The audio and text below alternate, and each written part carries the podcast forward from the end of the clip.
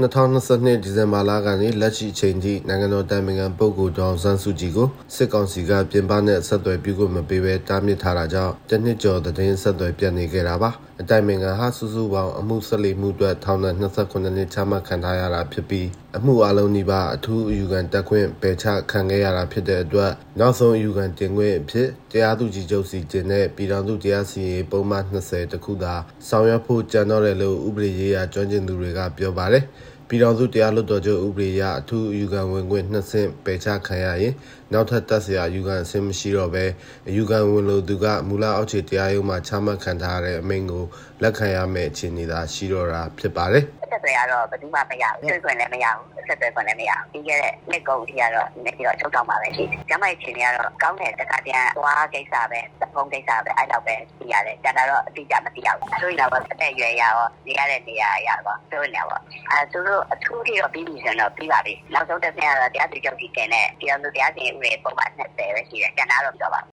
အတိုင်ပင်ခံကိုဆွဲဆိုထားတဲ့သဘာဝဘေးပုံမှန်25အမှုတွေပို့ကုန်သွင်းကုန်ဥပဒေပုံမှန်8ဆက်သွယ်ရေးပုံမှန်69ရာဇသကြီးဥပဒေပုံမှန်905စတဲ့အမှုတွေဟာအထူးယူခံတက်ခွင့်များပဲစစ်ကောင်စီတရားလွှတ်တော်ချုပ်ကဩဂတ်29ရက်နေ့မှာပယ်ချခဲ့ပြီးနေပြည်တော်လိုင်းအောင်တော့အမှုရန်ကုန်ကဒေါခင်ကြီးဖောင်ဒေးရှင်းအမှုနဲ့စီးပွားရေးလုပ်ငန်းရှင်မောင်ဝင်းနဲ့ပတ်သက်တဲ့အထူးယူခံမှုတွေကိုအောက်တိုဘာ6ရက်နေ့မှာပယ်ချခဲ့တာပါ ဦးဖြိုးမင်းသိန်းနဲ့ပတ်သက်တဲ့အာဂရီအမှုတွေအတွက်အထူးယူခံကိုလည်းဒီဇင်ဘာ16ရက်နေ့မှာထပ်မံပယ်ချခဲ့ပါတယ်အဖ က်ဖက်ကနေပေါ့စစ်ရေးနိုင်ငံရေးစီးပွားရေးနိုင်ငံတကာရေးစိတ်တဲ့ရေးစတဲ့အထွေထွေအကျက်တက်ဆိုင်လာတဲ့ကြံဖက်အာဏာသိမ်းစစ်အုပ်စုကဒင်းတို့ထွက်ပေါက်ရဖို့ရာအတွက်တက်ရှူချောင်ဖို့ရာအတွက်အာဏာတက်ဆိုးရှိဖို့ရာအတွက်နီလန်းနီနာမှန်တယ်များနဲ့ဆက်ပြီးစ조사အောင်မှလည်းဖြစ်ပါတယ်အခုလောလောဆယ်ဆိုရင်ပဲတရုတ်နိုင်ငံကိုတင်းဒူးထောက်တောင်းမှန်တိုးရှိုးပြီးတော့တောင်းမှသူတို့လူကျင်တာရဖို့ရာအတွက်ဆောင်ရွက်နေတာတွေလည်းကျွန်တော်တို့မြင်ရမှာဖြစ်ပါတယ်အဲအဲ့လိုပဲခုဒါအာဓမဖန်ဆီးခံထားရတဲ့ကျွန်တော်နိုင်ငံခေါင်းဆောင်များအပါအဝင်ပေါ့ဗျာနိုင်ငံတော်သမ္မတကြီးနိုင်ငံတော်ရေးတိုင်ပင်ခံပုဂ္ဂိုလ်စတဲ့ပုဂ္ဂိုလ်ကြီးများအပါအဝင်တောင်းနေချီတဲ့နိုင်ငံရေးအကျဉ်းသားတွေကိုလည်းဒီစစ်အုပ်စုကသူတို့လိုရင်လိုတယ်လို့သူတို့ဝက်ဖဲတဲ့ဖဲအသုံးပြုနိုင်ဖို့လဲစဉ်းစားဆင်ခြင်ဆောင်ရွက်တာမျိုးလဲရှိကောင်း